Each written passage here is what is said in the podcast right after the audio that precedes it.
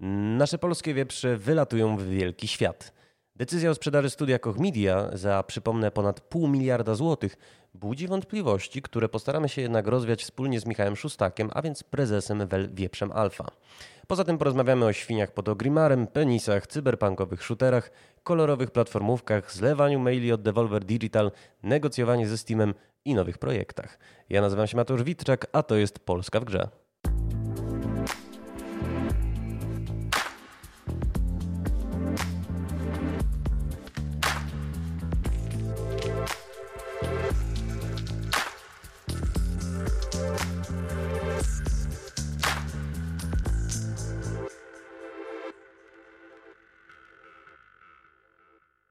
Moim i Państwa gościem jest Michał e, Szustak, z prezes Flying Wild Hawk. E, witaj Michale. Cześć Mateusz. Oklaski od razu. Ojej, muszę zbastować z dźwiękiem. Może jednak nie, te to nie był najlepszy pomysł na start, chociaż są w pełni zasłużone, no bo yy, dosłownie rozmawiamy dzień po tym, jak dowiedzieliśmy się o tym, że Flying Wild Hawk y, dołącza do rodziny Koch Media. Transakcja opiewała na 518 milionów złotych. No i y, pytanie, które ci pragnę zadać, to jest chyba najkrótsze pytanie w historii naszej audycji. He, to znaczy, co to właściwie oznacza, jak to się stało? Bo bracie, no ja po prostu wchodzę rano, widzę post Tatka Zielińskiego, który jest y, y, równie zaskoczony jak całe Flying Wild Hawk. Nikt nic nie wiedział, nie było żadnych przecieków. Co się wydarzyło właśnie? A, przecieków nie mogło być, bo Embracer, który nas kupił, e, to jest spółka notowana na sztokholmskiej giełdzie i pierwszy raz w historii w ogóle Hogów e, wszystko było wiele tajemnicą, tylko kilka osób wiedziało, że że działamy, że taka transakcja jest w toku i to wszystko tak się fajnie musi wydarzyć, że e, po 17.30 po zamknięciu giełdy w Sztokholmie mogliśmy tak naprawdę zająć się podpisywaniem umowy, żeby o 6 rano można było rozsłać notki prasowe, żeby na dziewiątą na spotkanie inwestorskie kwartalne Embracera to wszystko ogłosić i potem, kiedy otworzyła się giełda, radośnie mogliśmy patrzeć, jak kurs Embracera rośnie o chyba 10%. Bardzo się cieszymy fajnie, to znaczy, że, że ta transakcja z punktu widzenia rynku była e, dobrą transakcją. Kiedy będziemy mogli obserwować stało? kurs, ale dobrze, przepraszam cię najmocniej, bo już chciałem zapytać o jakieś giełdowe wtręty. Co się stało dalej, bo to cały czas nie, nierozwiązany no, temat. Tak, no my istniejemy 11 lat. E, wiesz, hoki powstały, bo jesteśmy ambitni, chcieliśmy robić gry, coraz lepsze gry i to jest nasz drive. E, rośliśmy, rośniemy przez cały czas e, i teraz ważne bardzo było to, żeby zawsze mieć właściwego partnera w danym momencie naszego rozwoju. Zaczęliśmy 11 lat temu z prywatnym inwestorem. Bardzo dużym wydarzeniem dla nas było przejęcie przez Supernową Capital 3 lata temu. E, to była taka ekipa złożona przez byłych e, zarządzających Splash Damage. Paul Wedgwood, który był szefem Splash Damage, sprzedał Splash Damage do leju, zarobił całkiem sporo pieniędzy. Stwierdził, że może po prostu wyda trochę pieniędzy i kupi jakieś fajne studio, żeby no żeby po prostu przelać tą swoją wiedzę, którą przez te 10 czy 15 lat Splash Damage nabył i padło na nas, mm, za co jesteśmy bardzo Polowi i Supernowej wdzięczni. E, wtedy mieliśmy, nie wiem, 80 osób, byliśmy po wydaniu Shadowa dwójki, robiliśmy jeden projekt naraz, to właściwie tym były hoki. Świeżo otworzyliśmy małe studio w Krakowie i prawdę powiedziawszy, e, my wtedy za bardzo nie wiedzieliśmy, co robić dalej. To znaczy, nadal wiedzieliśmy, że chcemy robić coraz lepsze gry, e, ale nie wiedzieliśmy, jak teraz się powiększać, w którą stronę w ogóle tę ambicję skierować. Więc dlatego w ogóle zaczęliśmy szukać partnera i dlatego padło na Supernową, dlatego połączyliśmy się z Wedgwoodem i z, z Richardem, z Markiem, ze Splash Damage.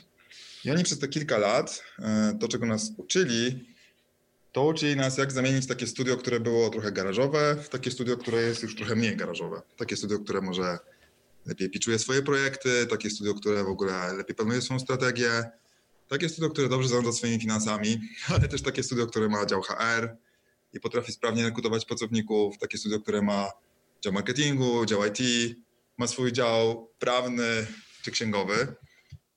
I te ostatnie dwa lata właściwie na tym byliśmy skupieni. To znaczy, cały czas oczywiście rośliśmy, ale też się e, użyję takiego sformułowania, które nie jest garażowe, czyli profesjonalizowaliśmy, tak? Czyli, czyli byliśmy, staraliśmy się być jakimś coraz bardziej dojrzałym studiem. E, I to trwało 2,5 roku. Przez ten czas zatrudniliśmy Boże, chyba ze 180-200 osób.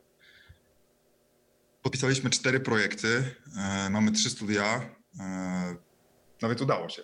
Tak, dorośliśmy, nauczyliśmy się prowadzić kilka projektów na raz, nauczyliśmy się rekrutować, czyli wiedzieliśmy, że ten cel, który sobie założyliśmy po transakcji z Supernową został osiągnięty. Więc kilka miesięcy temu musieliśmy, zastanowiliśmy się, co dalej, co dalej dla Hogów. No i to, co chcieliśmy robić, się nie zmieniło, czyli coraz lepsze gry. Robiliśmy gry, które można nazwać AA czy AA+. Naszym celem teraz jest stanie się, wiesz, takim światowej klasy producentem AAA-ów. I to wcale nie jest takie proste, bo łatwo jest powiedzieć, że będziemy mieli AAA, ale to, to każdy tak mówi, a robienie AAA to nie jest prosta sprawa. Do tego potrzebowaliśmy też właściwego partnera. Partnera, który ma doświadczenie, partnera, który ma pieniądze, partnera, który jest równie ambitny albo jeszcze bardziej ambitny niż my, ale też partnera, który nie jest za duży, partnera, który nie jest za mały, ale też wszystko partnera, który zagwarantuje nam niezależność. Bo to jest taka druga, dla mnie osobiście też e, ważna cecha naszego studia, że byliśmy właściwie zawsze niezależni. Robiliśmy gry, które chcieliśmy robić. Mieliśmy zawsze pełną kreatywną kontrolę nad, kontrolę nad e, naszymi produkcjami. Mm. To my zaczepialiśmy właściwie e, z naszymi pomysłami i odwrotnie. O, przepraszam, deweloper was zaczepił i podobno, żeście nawet nie odpisali im na maila. Ale do tego wrócimy, bo to jest fajna historia, no. To jest super historia. E, ale te cztery ostatnie projekty to były w całości jakby nasze, e, nasze pomysły, poza Shadowem oczywiście, który był kontynuacją. Ale też sobie dużo zmieniliśmy w Shadowem, więc też to jest nasz pomysł. No ale to, to mniejsza to do tego wrócimy, tak jak mówisz. Mm. Więc... E... Więc ta niezależność była dla nas i jest dla nas kluczowa. Czy chcielibyśmy sprzedać się Chińczykom? Każdy mógłby nas zapytać. Pewnie zapłaciliby na nas więcej pieniędzy. Długo się tym zastanawialiśmy. A były oferty z Chin? Embracera. Wybraliśmy Embracera. Hmm. Czy chcielibyśmy pracować z Microsoftem albo Sony jako studio, które robi gry ekskluzywnie dla nich e, i bylibyśmy jedną, jednym ze studiów w dużej grupie? Wybraliśmy Embracera. Wybraliśmy jakby wydawcę, grupę, która jest dopasowana do nas wielkością, ale też koncepcją. Bo Embracer, e, Lars z Embracera ma taki pomysł, żeby tworzyć taką federację niezależnych studiów. Można jakby osiągać sukces na różne sposoby, kiedy powiększasz swoją grupę. Jeden z takich sposobów jest taki, że masz strategię, masz jakby procedury, masz pipeliny, kupujesz kogoś, wdrażasz swoją strategię, wdrażasz swoje pipeliny i starasz się po prostu powielać jakiś sposób, jaki robisz produkt, jaki robisz grę w naszym przypadku. I to jest koncepcja, którą zwykle duże podmioty realizują. Każdy ma taką koncepcję dywersyfikacji. To znaczy, on wierzy, że każde studio wie, jak robić gry. Więc jak on kupuje studio, to on dba o to, żeby to studio pozostało sobą, żeby miało inną kulturę, inną strategię, inną strukturę innych zarządzających. Bo gdyby się okazało, że gdzieś na tym najwyższym poziomie ta strategia zawodzi, albo te pipeliny nie są takie idealne, wtedy cała struktura, cała grupa na tym cierpi. W przypadku tutaj Embracera, jeśli któreś studio będzie failować, no to ono jest jakby trochę niezależne w tym failowaniu. Oczywiście grupa mu pomoże, ale ono nie pociągnie na dno e, całej grupy. I myśl, jakby ja jestem, urzekła mnie urzekła mnie po prostu ta koncepcja, bo to ona ma nie tylko takie znaczenie dla mnie e, emocjonalne, że będziemy niezależni, ale to jest bardzo dobra koncepcja z punktu widzenia biznesu, że zwykle uniformizacja to jest taka droga rozwoju dla korporacji, a tutaj jest korporacja, bo Mercer jest ogromną firmą, która działa dokładnie przeciwnie, czyli dywersykuje kulturę, pipeliny, pomysły, strategie. To jest właściwie świetny pomysł. To jest takie, e, to jest trochę podobne do Gathering of Developers. Kiedyś było taki, takie stowarzyszenie, które też Mark, Mike Wilson z Devolvera robił e, z Harem. I oni też kiedyś taki mieli pomysł, ale to właściwie poza tym to rzadko to się tak zdarza, żeby ktoś zostawiał studia samym sobie, licząc na to, że skoro one umieją robić to, co umieją, to może nie warto jakby sypać im piasku w szprychy naprawiając, może warto jakby wzmocnić tylko to, co w nich jest dobre i ewentualnie pomóc, jeżeli miałyby jakieś, jakieś kłopoty. I dlatego jesteśmy w Embracerze. Mam, Wiesz co, wspomniałeś o tym, że macie już 11 lat i to mnie skłania do tego, żeby trochę wrócić do tych początków, bo ja tu widzę pewną paralelę. To znaczy... Yy Hogi, y, zaraz w ogóle dojdziemy do nazwy, natomiast y, wyście takie idee fix sobie założyli z tego, co słyszałem, że wy nie zatrudniacie juniorów. Nawet dotarłem do takiego wywiadu y, z, z Klaudiuszem Zychem, który w Gamerze mówił. Nie chcieliśmy budować zespołu składającego się z 50 lub więcej osób, ale z niewielkim doświadczeniem. Zamiast tego woleliśmy być małym studiem, ale posiadającym, z posiadającymi wysokie umiejętności weteranami. Y, czy można powiedzieć, że historia zatoczyła koło? Nadal zatrudniamy tylko doświadczonych ludzi i tak naprawdę jesteśmy ciągle małym studiem. W tym sensie. 260 osób, jak mam dwie filie? W tym sensie, w tym sensie, jak Embracer e, chce mieć niezależne, jakby prężnie działające oddzielne zespoły. Sam Embracer jest gigantyczny, natomiast te wertykale czy firmy, które należą do grupy Embracer są mniejsze. I Hogi właściwie działają w podobny sposób. W mamy teraz cztery projekty. Mhm. Mamy trzy oddzielne lokalizacje. W Warszawie mamy dwa zespoły, które są właściwie oddzielone chińskim murem od siebie. Mamy dwa zespoły, które działają w Krakowie i w Rzeszowie, każdy nad swoim projektem. Więc z naszego punktu widzenia, każdy projekt to jest jakby oddzielne małe studio, które jest częścią Flying Wild Hawk. Czyli my pozostaliśmy wierni tej naszej koncepcji, że będziemy mieli takie prężne zespoły seniorskie, które każdy trochę we własny sposób realizuje jakby swój pomysł, swoją grę, swoją wizję i właściwie na własnych warunkach. My oczywiście jako studio no, wspieramy się nawzajem, tak jak Embracer będzie nas wspierał, ale u samego dołu ten koncept jest ciągle żywy. Małe, prężne projekty, bo nawet też największy projekt, który mamy 100 osób, to ciągle jakby z punktu widzenia takich gigantycznych projektów, nie wiem, co do projektu, który ma 700 czy 1000 osób, no, to się w całej grupie.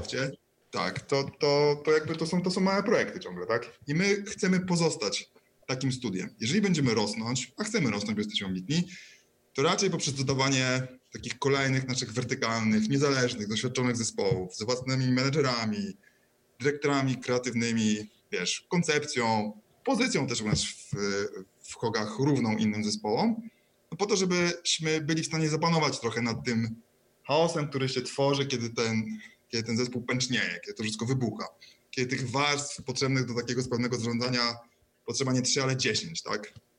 No więc ja wierzę w to, że ciągle jesteśmy w tym samym miejscu mentalnie. Rośniemy raczej w bok, niż jakby tak na grubość. Y, wróćmy w takim razie do 2009 roku, kiedy nie byliście no, tak duzi, nie mieliście filii. Y, co więcej, mieliście niewielkie biuro, które dzieliliście z grupą księgowych. Nie, pań z HR-u. Pań z HR-u. No to mamy jakieś nieprecyzyjne informacje, ale ja w ogóle mam nieprecyzyjne informacje i chciałem ciebie dopytać o mit założycielski. Y, bo słyszałem no, przynajmniej dwie sprzeczne opinie co do samej nazwy. Jedna głosi, że to jest hołd, który żeście z z, z Tomkiem Baranem i Klaudiuszem Zychem złożyli e, People Can Fly, skąd spora część załogi e, przeszła, a druga, że to jest e, efekt jakiegoś takiego spektakularnego baga w World of Warcraft, kiedy, w którym to no, pod Ogrimarem właściwie się no, zażynało knury, żeby zdobyć expa. Natomiast w pewnym momencie jeden z knurów rzekomo wzbił się w powietrze, no i stąd nazwa. I chciałem wreszcie się dowiedzieć, bo naprawdę od lat się w ogóle po prostu zmagam z tą z, z tymi sprzecznymi informacjami, która wersja jest prawdziwa? Na pewno człon Whitehawk pochodzi z Ogrimaru i z World of Warcraft. Wtedy się wszyscy zagrywaliśmy w 2009 w WoWa i, i wiesz jak to jest, jak zakładaliśmy studio, to było kilka osób. Najważniejszą rzeczą, jak się zakłada studio, przynajmniej wtedy deweloperskie, to było jaką będzie miało nazwę. Nikt się nie martwi o przyszłość, nikt się nie martwi o silnik, nikt się nie martwi o kasę. Wszyscy myślą, Boże, musimy mieć jakąś super nazwę. I wymyślenie super nazwy to wcale nie jest taka prosta sprawa. Autentycznie byliśmy przez jakiś czas tacy sfrustrowani, że nie możemy jakoś nic spektakularnego, oryginalnego wymyśleć. I ta dzika świnia trochę nam wpadła tak, Ech, może trochę z, z, z, frustracji, że nic lepszego nie wyjaśnimy. Nie, nie wymyślimy i to była dzika świnia z Ogimaru. A ten początek flying, ja nie wiem, to się z takiego w naszej polskiej kulturze, że to latanie się kojarzy z wolnością i to nie tylko w People Can Fly, ale nie wiem, w farmie jest logo jakiegoś tam UFA i, i w CD Projekcie teraz... Fenix przecież, tak. tak, dokładnie. Więc mi się wydaje, że to, znaczy to nie był, nie było, nie, było, nie było to związane z People Can Fly per se, było raczej związane z tą, z tą myślą, która pewnie też Chmiarzowi przyświecała, kiedy nazwał e, swoje studio w ten sposób, że latanie jest fajne. Latanie to jest wolność, niezależność, więc my jesteśmy taką wolną, niezależną, dziką świnią. Dobra, to ta wolna, y, dzika, niezależna świnia najpierw y, razem z ludźmi z HR-u operuje w jednym pomieszczeniu, potem się przenosi na Aleje Jerozolimskie, y, przejmuje, no bo na początku macie nie tylko ludzi przecież z PCF-ów, ale też czy z CD Projektu, czy z CI Games. Potem przejmujecie ludzi z Metropolis Software, które w międzyczasie padło. I skąd w ogóle pomysł na hard reseta? Jest tak bardzo zróżnicowanym gronie, które no robiło bardzo różne tytuły. Odpowiedź jest bardzo prosta. Nie wiem z jakiego powodu uważaliśmy, że zrobienie shootera to będzie, to będzie najprostsze. Najprostsze rodzaj gier to jest zrobienie shooterów. To jest szczera odpowiedź. Wiesz, Painkiller to był taki gigantyczny sukces polskiego game devu i się nam wydawało, że no, co właściwie jest trudnego, żeby wiesz, e, wyrenderować giwerę, wyrenderować e, kilka mobków na scenie i je zabijać, jak się naciska guzik myszki. Więc Klaudiusz, Tomek, ja, kilka osób wokół nas, shooter, no-brainer, co tu może być trudnego? Większym jakby, większą trudnością dla nas wtedy to był silnik. To, było, to była odpowiedź na pytanie, jak zrobić taką grę. Bo wtedy Unreal 3 licencja kosztowała mniej więcej z bańkę zielonych, nie było w ogóle żadnych darmowych silników i my nawet za bardzo nie mieliśmy wyjścia, e, jakby podejmując decyzję o tym, że tworzymy grę na własnym silniku, czyli właściwie jednocześnie i grę i silnik. Cyberpunk e, to chyba jakaś taka nasza była wspólna, wspólna miłość, wspólna zajawka. E, po prostu szukaliśmy settingu, Painkiller był taki bardziej fantazy, chcieliśmy zrobić coś, co jest trochę inne. Oglądaliśmy gry, które są na rynku, mało wtedy było gier cyberpunkowych, w ogóle jest mało gier, dość mało filmów gier, też w sumie niewiele. Fantazy. Tak, tak. Oczywiście Blade Runner, jaraliśmy się wszyscy tym, więc wyszedł taki cyberpunkowy shooter z Destro do dzisiaj żałuję, do dzisiaj żałuję, że tam nie ma, e, nie ma mięsa. Bo jak sobie... Mięsa. twoją minę, nie ma mięsa. Bo teraz jak robimy shootery, to wiemy, że jednym z najbardziej satysfakcjonujących doświadczeń dla gracza jest, dla gracza jest strzelanie do czegoś, z czego tryska krew. I jak wiesz, nasze gry mają całkiem dużo tej krwi. Natomiast jak strzelasz w roboty, robisz takie pcium, pcium, pcium i odpalają kawałki metalu, to nie masz takiego poczucia, że robisz tym robotom krzywdę. No Coś bo niestety, jest Niestety shooter jest o tym, że robi się krzywdę złym, niedobrym potworom albo robotom. No to jednak... bardzo, bardzo dobry ty tytuł w ogóle dla wywiadu. Szkoda, że nie mo mogliśmy robić krzywdy.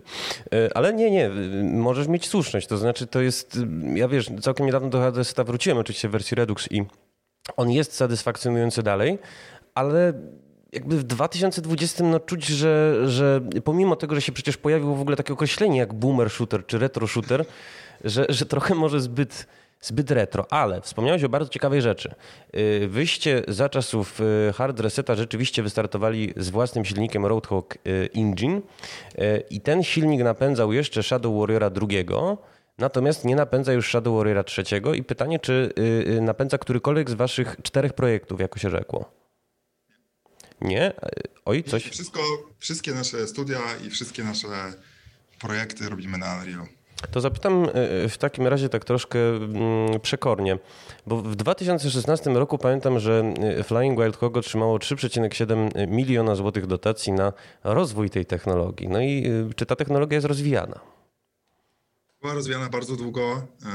Powstało nawet trzy projekty, które pitchowaliśmy wydawcom. Jakby technologia nie umarła, projekty nie umarły, ale wiesz, jak to jest w game devie? W game devie to jest tak, że ty robisz bardzo dużo różnych rzeczy, które są under the hood, które są w pewnym sensie w szufladzie. Mhm. Z tymi rzeczami przeróżnymi idziesz do różnych wydawców i to wydawcy wybierają tak naprawdę, co tak naprawdę będziesz robić. Więc my tak naprawdę mamy naprawdę całkiem sporo fajnych projektów, które gdzieś w naszej szufladzie czekają i które jakby regularnie pokazujemy wydawcom. Czasami coś z nimi robimy, żeby je odnowić, czasami nie, bo są tylko na, e, wiesz, na poziomie pitcha rozwinięte, niczego więcej. Więc to pytanie, no nie, nie ma prostej odpowiedzi, tak naprawdę. Bo być może kiedyś zrobimy coś, a być może nie. Na razie robimy wszystko na Unrealu. No, zresztą jest to dość powszechna y, y, praktyka. Wróćmy jeszcze do hard reseta. Jest rok 2009. Jeżeli, nie, wyście hard reseta wydali w którym? 11. 11, faktycznie. 2009 to przecież moment założenia studia.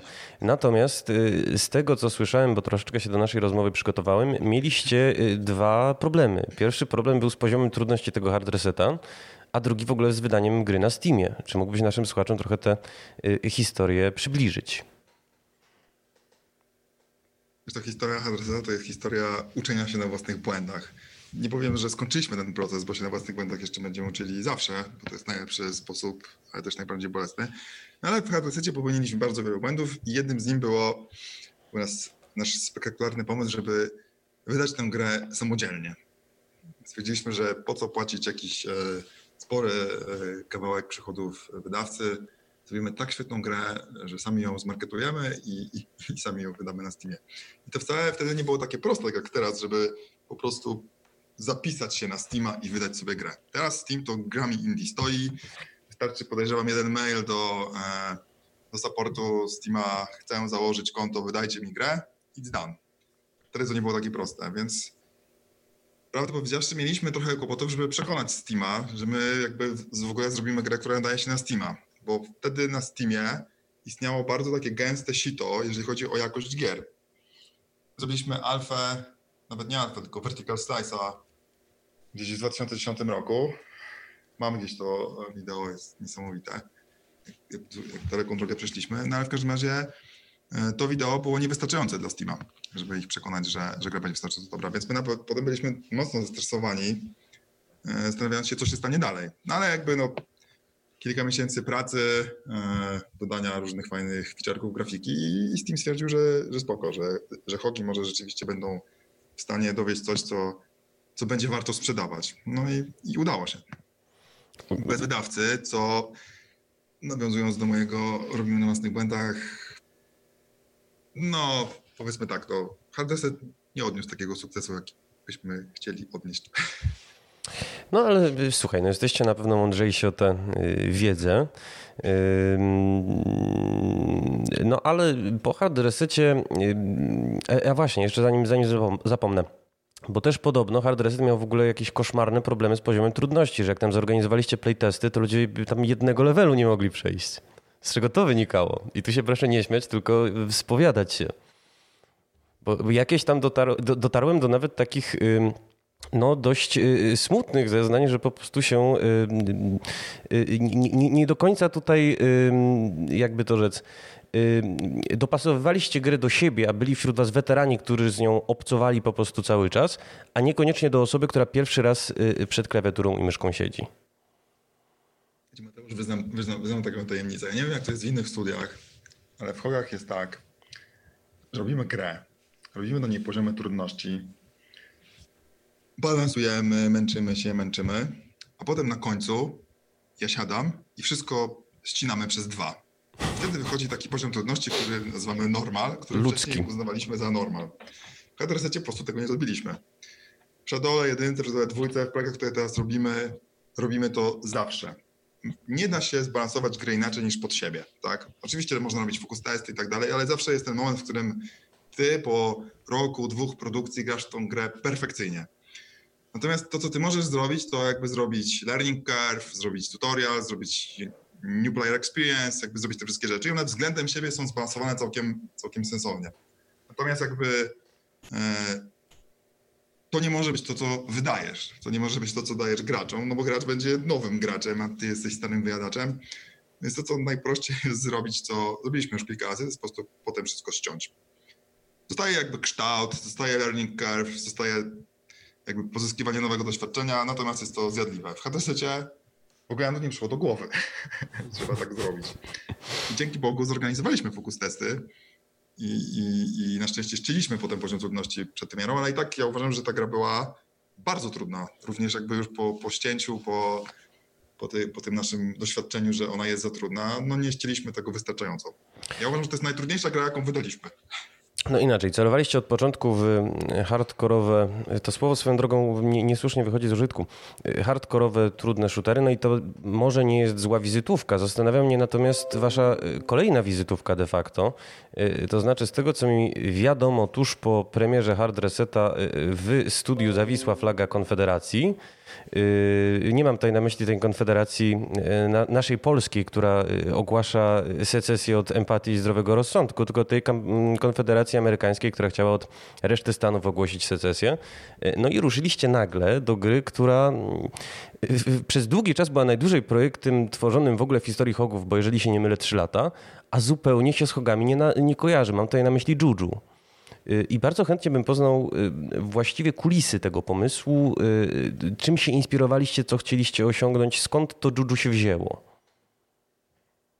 E, ta moja konferencja to jest e, nasz taki PR-owy flop i chciałbym o tym jak najszybciej zapomnieć. nie, nie prezentuję to w żaden sposób naszych poglądów, Jasne. ale z drugiej strony jesteśmy bardzo jakby otwarci i nasi pracownicy mogą właściwie w swoich okolicach, swoich miejsc pracy, no, do pewnych granic jakby wieszać wszystko, co chcą i, i tak się stało niestety, że, że to jakoś wyciekło. E, a Juju, Juju to jest taka emanacja naszej drugiej korowej wartości. Pierwsza to jest, wiesz, seniority team, My naprawdę lubimy eksperymentować. To jest dla nas kluczowe. Każda gra ma mieć coś nowego, mieć coś unikalnego i gameplay jest jakby tym kawałkiem, który nas najbardziej interesuje, czyli zaskoczyć, zaskoczyć, wnieść coś do gatunku. Juju to chyba był taki nasz już, e, nie, może, nie wiem, czy możemy bardziej jeszcze zaeksperymentować kiedykolwiek, czyli postanowiliśmy zrobić wszystko inaczej. Zrobić nie grę dla dorosłych, tylko grę dla dzieci, zrobić nie grę hardkorową, tylko grę prawie że zupełnie casualową i, i zrobić nie grafikę jakąś gorową, wiesz, z krwią, tylko zrobić po prostu wesolutkie, e, pluszane robaczki, które mają jakąś swoją fajną przygodę. No i, i zrobiliśmy.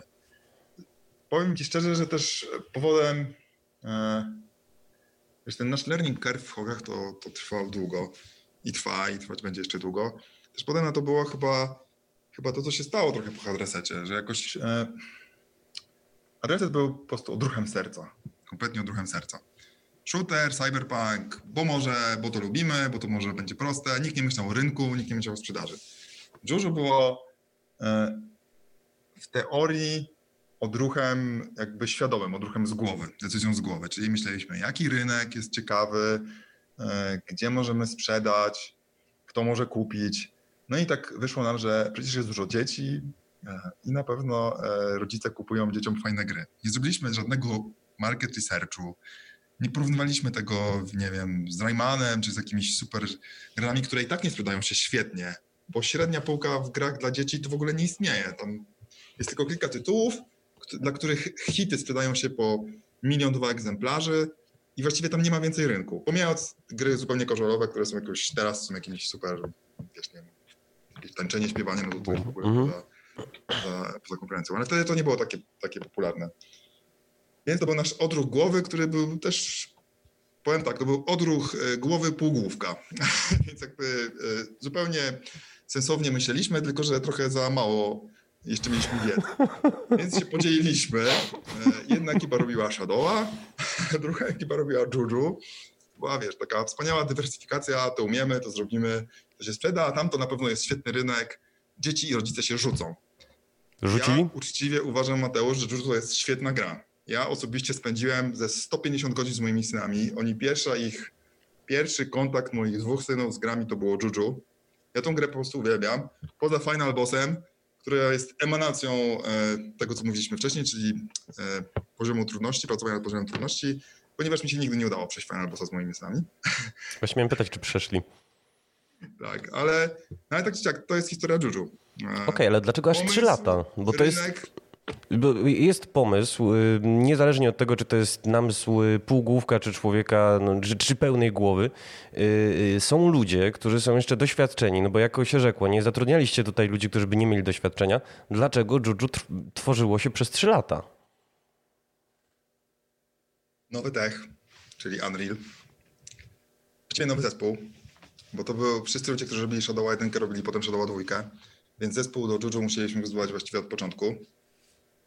Zupełnie nowa, e, nowy rodzaj gry, nowy gatunek, tak? Shadow 2 robiliśmy wcześniej robiąc dwa shootery. Wiesz, bo to jest takie myślenie trochę w twoim pytaniu, jak mieliśmy przy adresecie. No w sumie platformówka, nic prostszego nie da się zrobić. platformówka jest tak samo skomplikowaną grą do zrobienia jak każda inna. No i niestety to nie jest tak, że sobie siadasz, bach, jakie to proste. Ludzik skacze o platformach. Tak samo jak ludzik ma gana na ekranie i strzela do innych chłopków. No niestety. To zabrało nam tyle czasu, bo po prostu nie byliśmy w stanie zrobić tego szybciej. No, zrobiliśmy całkiem, ja naprawdę uważam, zrobiliśmy naprawdę dobrą grę e, na nowym techu, nowym zespołem ludzi. Wydaliśmy. Ja jestem z niej jakby dumny i zadowolony. Na, czy ona niosła sukces e, komercyjny? Nie odniosła. Okej, okay, uczciwe postawienie sprawy. My w jak zawsze wszystko mówimy wprost. Wiesz co, to może sobie wykorzystam, bo jeszcze parę podchwytliwych pytań dla ciebie mam, ale na razie pytanie niepodchwytliwe, y, y, do którego zresztą już trochę nawiązaliśmy. Y, nie jest tajemnicą, że hard reset się spodobał i, i mediom, i graczom, niezależnie już tutaj od wyników komercyjnych, jakie miał. Ja jeszcze ci przerwę, on się sprzedał w sumie z 600 tysięcy sztuk teraz, więc wiesz, to jest no, taki fajny wynik. No? I teraz te oklaski były trochę ciszej, ale w pełni zasłużone. E, no, nie jest też tajemnicą, że fanami Hard Reseta byli przedstawiciele Devolver Digital, których, mówiąc kolokwialnie, wybacz, ale podobno zlaliście. Jakbyśmy wiedzieli, kogo zlewamy, to byśmy nie zlewali. Powiedzmy tak, że po premierach Adreseta to był naprawdę dla nas e, duży chaos. Nigdy wcześniej nie wydaliśmy gry, w ogóle wiesz, Steam, Jezus Maria, patche, e, forumy na Steamach, pełne różnych rzeczy. Jakich? Naprawialiśmy, myśleliśmy, co dalej, co naprawić, co zmienić, e, jaka następna gra. Generalnie to był taki okres dużej e, zmienności u nas w hogach. Dostawałem chyba wtedy ze 100 maili ze wszystkich stron różne strony, wiesz, ja, do, ja na przykład czytałem maile z supportu, zastanawiałem się, co, co z nimi zrobić i tak dalej, więc e, powiedzmy, że byłem wtedy mocno zajęty, więc gdzieś tam ten mail czy chyba nawet dwa maile od Nigela z Devolvera, to w ogóle zniknęły po prostu w zalewie. Jedyny powód, dla którego w ogóle tego maila znalazłem, był taki, że Tomole, czyli człowiek, z którym robiliśmy marketing e, do Hardresta, po prostu mnie zadzwonił fizycznie ze Stanów i powiedział, Michał, jest taka fajna ekipa, nazywa się Devolver Digital, oni wysłali do ciebie maila naprawdę z fajnym pomysłem, uwielbiają Hardreseta, weź kurczę, sprawdź w inboxie, co do ciebie napisali i na coś polską odpisz do nich. No i sprawdziłem, odpisałem na historię już znaczną. Reszta jest historią, zresztą historią yy, bardzo piękną, no bo ten Shadow Warrior, którego wam yy, zaoferowali do zrebootowania, no to jest yy, wasza perła w koronie, chyba możemy tak powiedzieć. Niedawno się zresztą chwaliliście sprzedażą serii. Ile to było, przypomnij? W sumie 10 milionów? 10 milionów. E, zastanawiam mnie natomiast, czy wyście w ogóle, zanim usłyszeliście tę ofertę, mm, mieli, czy wyście grali w ogóle w pierwszego Shadow Warriora? Nigdy w życiu nie słyszałem o tym IP, zanim nie przeczytałem maila od Devolvera. Duke'a uwielbiałem. Shadow Warrior w ogóle ja nie wiem, jakoś tej gry nie zauważyłem. No właśnie mam dość podobnie, że mimo wszystko wiesz, z Duke'iem ich wszyscy kojarzymy, y, a Shadow Warrior, no pamiętam nawet jak to ogłaszaliście, że pierwsze co zrobiłem, to zacząłem szukać po prostu, co to jest Shadow Warrior. Y, a... sobie, że ja też, jak dowiedziałem się, że możemy zrobić Nie byłeś tym osamotniony. A ograliście faktycznie, jak wrażenia? E, jak wrażenia? To nie była gra dla mnie. Mhm. Pomijając w ogóle te rasistowskie wtręty, Duke był dużo lepszy. Dużo lepszy pod każdym względem. Więc dla nas jakby Shadow Warrior był fajny, no bo Devolver miał... Wiesz, Devolver to jest... Nas to urzekło to, że rozmawialiśmy z ludźmi z 3D Realms, rozumiesz? O robieniu gry na ich IP, z twórcami Duke'a. Więc jak coś takiego mogliśmy zrobić, to w ogóle jaka to była gra, to było wszystko jedno. Widzieliśmy, że możemy, bo wiesz, częścią dealu było to, robimy to jak chcemy. Robimy jak chcemy, shootera, w jakiś sposób podobnego do hard reseta, czyli dużo eksplozji, e, takiego szybkiego, adrenalina i tak dalej, a poza tym mamy wolną rękę. I do tego 3D Realms. W umowie, którą podpisałem, jedna ze stron było 3D Realms, yeah! więc, no więc tak, to był główny powód, dla którego się tak jaraliśmy. Niekoniecznie oryginalny Shadow Warrior.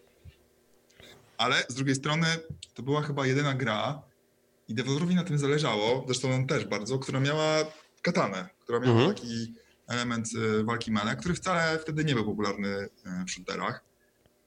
I biorąc uwagę to, że my chcemy dodawać te takie nowe, unikalne rzeczy do każdej gry, którą robimy, to był dla nas taki punkt zaczepienia. Że to jest to miejsce, gdzie możemy zrobić shootera, który będzie takim ważnym shooterem. Podamy tam coś wyjątkowego, coś nowego i zrobimy to w ogóle w inny sposób, zrobimy to bardzo porządnie. I wydaje mi się, że tak zrobiliśmy, że Shadow to była taka pierwsza gra, powiedzmy mainstreamowa, która miała taką świetnie zrobioną walkę mele. Miała. Miała, tu pełna zgoda. W dwójce y, już się pojawiły, no takie bym powiedział, feature'y nowomodne jak na tamte czasy, no bo było i elementy proceduralnej generacji i te wszystkie fantastyczne moce. No ja pamiętam, że y, jak mnie kiedyś zaprosiliście jeszcze za czasów CD Action, no to ja po prostu zapisałem sobie w notatkach pierwsza strona, że to jest grywalny ekwiwalent kokainy, coście zrobili. I, i dalej podtrzymuję, mm, dalej podtrzymuję tę tezę. Znaczy brzmi to e, w pewnym sensie bardzo dobrze. Jest to komplement, nawet niezawoalowany, także nie, nie musimy się tutaj krygować, ale nie jest tajemnicą, bo ty wspomniałeś, że część y, projektów się tutaj, y, no to jest dość naturalne, że po prostu pewne pomysły żyją, pewne pomysły umierają śmiercią naturalną. Natomiast wy macie taki jeden projekt, z którego przetrwały jedynie grafiki y, koncepcyjne Macieja Wojtali. To jest taki projekt science fiction, gdzieś właśnie między Hard Resetem a Shadow Warrior, Warriorami. Czy pamiętasz, co to było? Znaczy pamiętasz na pewno, tylko czy możesz powiedzieć, co to było? Pamiętam. E, mogę powiedzieć, że w taki bardziej zawolowany e, sposób, bo, bo mieliśmy nawet rozmowę z wydawcą na ten temat i nawet nie wiem, czy ja nie jestem pod jakimś NDA-em, e, że potem za bardzo nie mówić, ale tak ogólnie mogę powiedzieć, że to było coś zupełnie nowego. To było w ogóle coś, co teraz jest całkiem modne, czyli taki bardziej rogalik, proceduralny rogalik, survival, mhm. na opuszczanej e, stacji kosmicznej, która za każdym razem wygląda inaczej twoim zadaniem jest tam przetrwać, przedostać się i tak dalej. I to był shooter, znaczy FPS, trochę shooter, trochę eksploracji. E, szybko, często umierałeś, musiałeś się nauczyć, jak sobie tam radzić i tak dalej. Czyli taki y, miks Green Hella z Preyem i może trochę z Among. Mniej więcej, tak. Znaczy, mogę zrobić takiego newsa dzień później. Pezes Flying Wild Hawk. Pracowaliśmy nad miksem Green Hella, Preya i Among Us, bo to będzie super klikalne, naprawdę. Dzięki ci śliczne w takim razie, bo no, no mówię, zrobiłeś nam w takim razie dzień, jeżeli chodzi o liczbę wyświetleń na stronie. Y, ale y, w takim... Ja to było 9 lat temu? 9 lat temu, no coś, coś koło tego, chociaż może może trochę, może trochę później. Ale w historii y, Hogów jest, y, odnoszę wrażenie, pewna dziura. No bo Shadow drugi się y, i super sprzedał, i super mm, recenzje medialne zebrał. Natomiast od 2016 do 2020 cisza. No faktycznie była informacja o tym, że y, wkroczył tutaj, y, wkroczyło Supernowa y, Capital, że się rozbudowywujecie. Natomiast zastanawiam się, czy od samego początku po prostu ruszyli raźno do pracy nad Shadowem trójką, czy po drodze się pojawiły jakieś projekty, które, które też no, musieliście odłożyć na bok? Mieliśmy dużo pomysłów, dużo projektów. Mieliśmy wtedy 70 czy 90 osób nie byliśmy w stanie zrobić ich wszystkich. Bardzo ostro pracowaliśmy nad pitchami do kilku z nich. Mhm. Te projekty, które teraz robimy, trzy z nich, trzy z tych projektów to są projekty, które powstały w tamtym okresie. Ja jestem, ja autentycznie to ja jestem dumny z tego, bo w tamtym okresie zrobiliśmy studio w Krakowie, tworzyliśmy studio w Krakowie, które do dzisiaj pracuje nad swoją grą, zresztą zupełnie dla nas unikalną. Ja myślę, że pierwszą w Polsce grą Game as a Service, którą w dodatku będziemy robili, robimy z Jagexem, czyli po prostu mistrzem e, takich gier, który ma RuneScape'a, który jest jakimś ewenementem. I ja trzymam kciuki, że będziemy po prostu daleko jak następnym RuneScape'em. W tym czasie zrobiliśmy dwa, nie zrobiliśmy więcej pitchy, ale dwa z nich, które, nad którymi najdłużej pracowaliśmy, to był oczywiście Shadow Warrior 3, który mamy w produkcji, który niedługo wyjdzie. I mieliśmy jeszcze jeden projekt, który był dla nas bardzo ważnym projektem, którego produkcję mieliśmy całkiem długą, bo musieliśmy nasze siły alokować już i do Shadowa, i do kolejnych projektów w międzyczasie. I ten projekt robimy.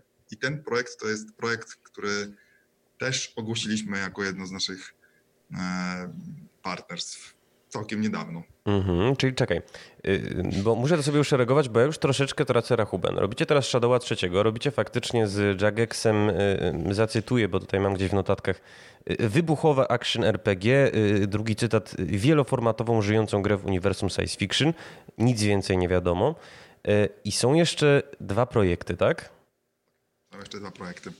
Jeden projekt to jest nasz największy projekt, najbardziej ambitny, który ogłosiliśmy na razie ogłosiliśmy jakby współpracę z Focus Interactive. Mhm, tak. To jest taki e, całkiem duży francuski wydawca.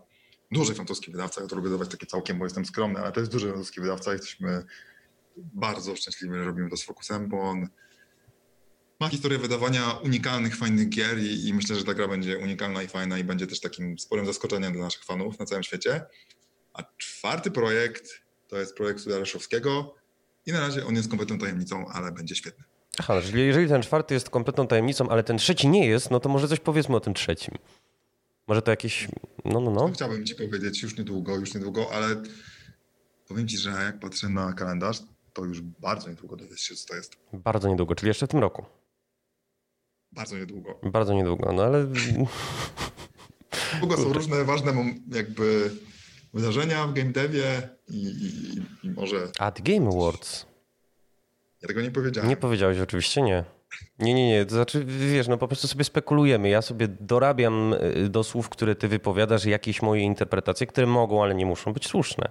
Absolutnie nie łamiesz żadnej NDA-ki. To jest jedyne wytłumaczenie tego, co się dzieje. To ja, ja, w takim razie sugeruję od siebie, żeby naszym słuchaczom, y, żeby może w takim razie The Game Awards oglądać ze zdwojoną yy, uwagą, no bo może coś ciekawego odkryjemy podczas, podczas tej imprezy. Yy, a powiedz mi jeszcze, przyjacielu serdeczny, tak yy, już się poniekąd składając do zakończenia naszej rozmowy dzisiejszej, skąd w waszych grach tyle przyrodzeń? Hmm, myślę, że nazwisko naszego ukochanego bohatera może sugerować odpowiedź. To prawda. Ale też e, my tak. lubimy w naszych grach mieć dużo humoru. E, Shadow Warrior e, miał dużo humoru, ten bazowy Shadow Warrior, ten stary. To był humor miejscami rasistowski i bardzo niefajny, ale generalnie to było dość, to było coś takiego dość unikalnego, bo zwykle te wszystkie gry, no Duke szczególnie, to były takie, tam jest humor, ale on jest taki na poziomie E, ja jestem tutaj wielkim zbawcą i, i ten, a, a Shadow to jest taki bardziej, ja to jestem śmiesznym facecikiem, który robi coś śmiesznego, a w ogóle to ja kolekcjonuję komiksy i action figures. I to był humor, który jest nam bliższy, bo my tacy jesteśmy. My mhm. jesteśmy nerdami, my się interesujemy kulturą. E, no dick joke'i, no kurczę, no dick joke'i zdarzają się wszędzie. Prawda? Come on, no kto ich nie lubi. Właśnie.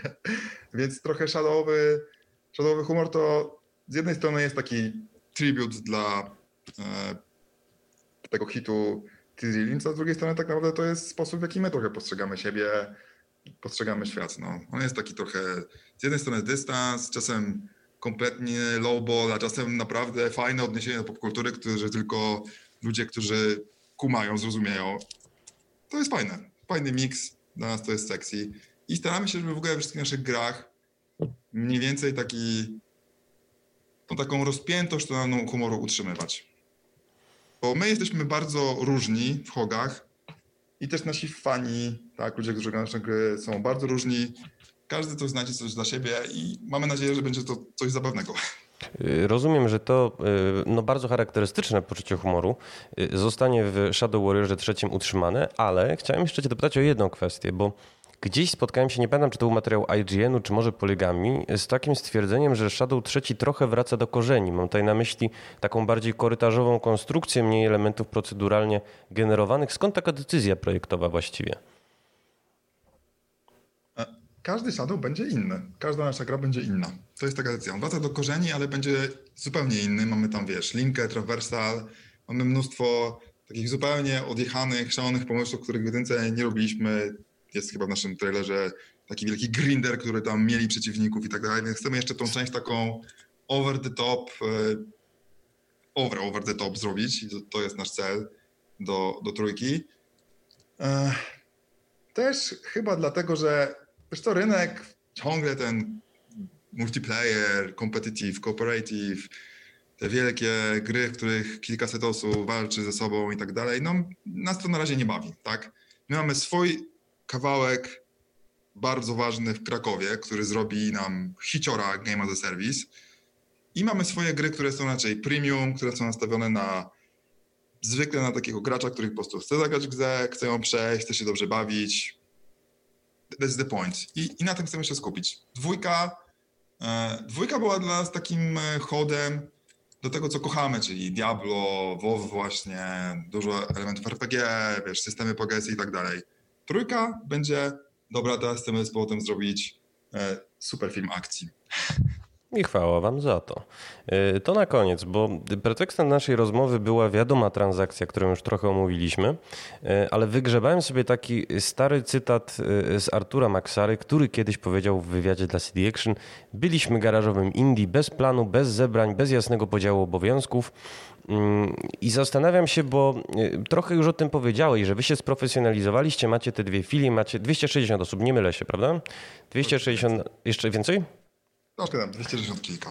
Dobra, no ale dalsze plany na e, rozwój, no i funduszy na ten rozwój. Zastanawia mnie, jak wiele tego pierwotnego ducha hogów, którzy mi się właśnie zawsze kojarzyli z luzem, e, z piwem i z takim trochę może nawet e, gdzieś tam rozchodzeniem się formalnych kompetencji, nie? że nie ma tutaj takiego korporacyjnego sznytu w, u was w studiu. Na, na ile ten duch przetrwał? Czy, czy nieuchronnie zmierzacie w stronę takiej korporacyjnej organizacji? Moim zdaniem e, ten sam fakt, że staramy się mieć ten podział na takie bardzo niezależne, wertykalne zespoły, bardzo nam pomaga utrzymać ten, ten duch. Ten duch, gdzie wszyscy się znają wewnątrz tego zespołu, gdzie mają swoje pomysły, które doceniamy wewnątrz tego projektu, które mogą się w ogóle przebić do, do, do gry poprzez bezpośrednią rozmowę, nie wiem, z szefem projektu, że tam nie ma żadnej formalnej struktury, przepływu maili, y, zgłaszania przez formularze wniosków, tylko raczej podejście do kogoś, pogadanie, ok, a może byśmy zrobili to, a wręcz nawet zaskoczenie y, nas w ogóle gotowym, działającym featurekiem, bo w Unrealu naprawdę zrobienie jakiegoś prototypu to jest, y, to jest chwila, moment, kiedy, kiedy wiesz, co robisz. Więc ja mam poczucie, że my urośliśmy, ale ten duch, który był taki bardzo bez, oparty na tej bardzo bezpośredniej, takiej płaskiej strukturze komunikacji przetrwał i co więcej, to dla nas jest w ogóle kluczowe, żeby, żeby hogi w ten sposób były zdefiniowane. Jako takie najfajniejsze miejsce do pracy, oparte na zaufaniu, bezpośrednim kontakcie, też takim podkreślaniu kreatywności i wnoszeniu, wnoszeniu czego też do projektu.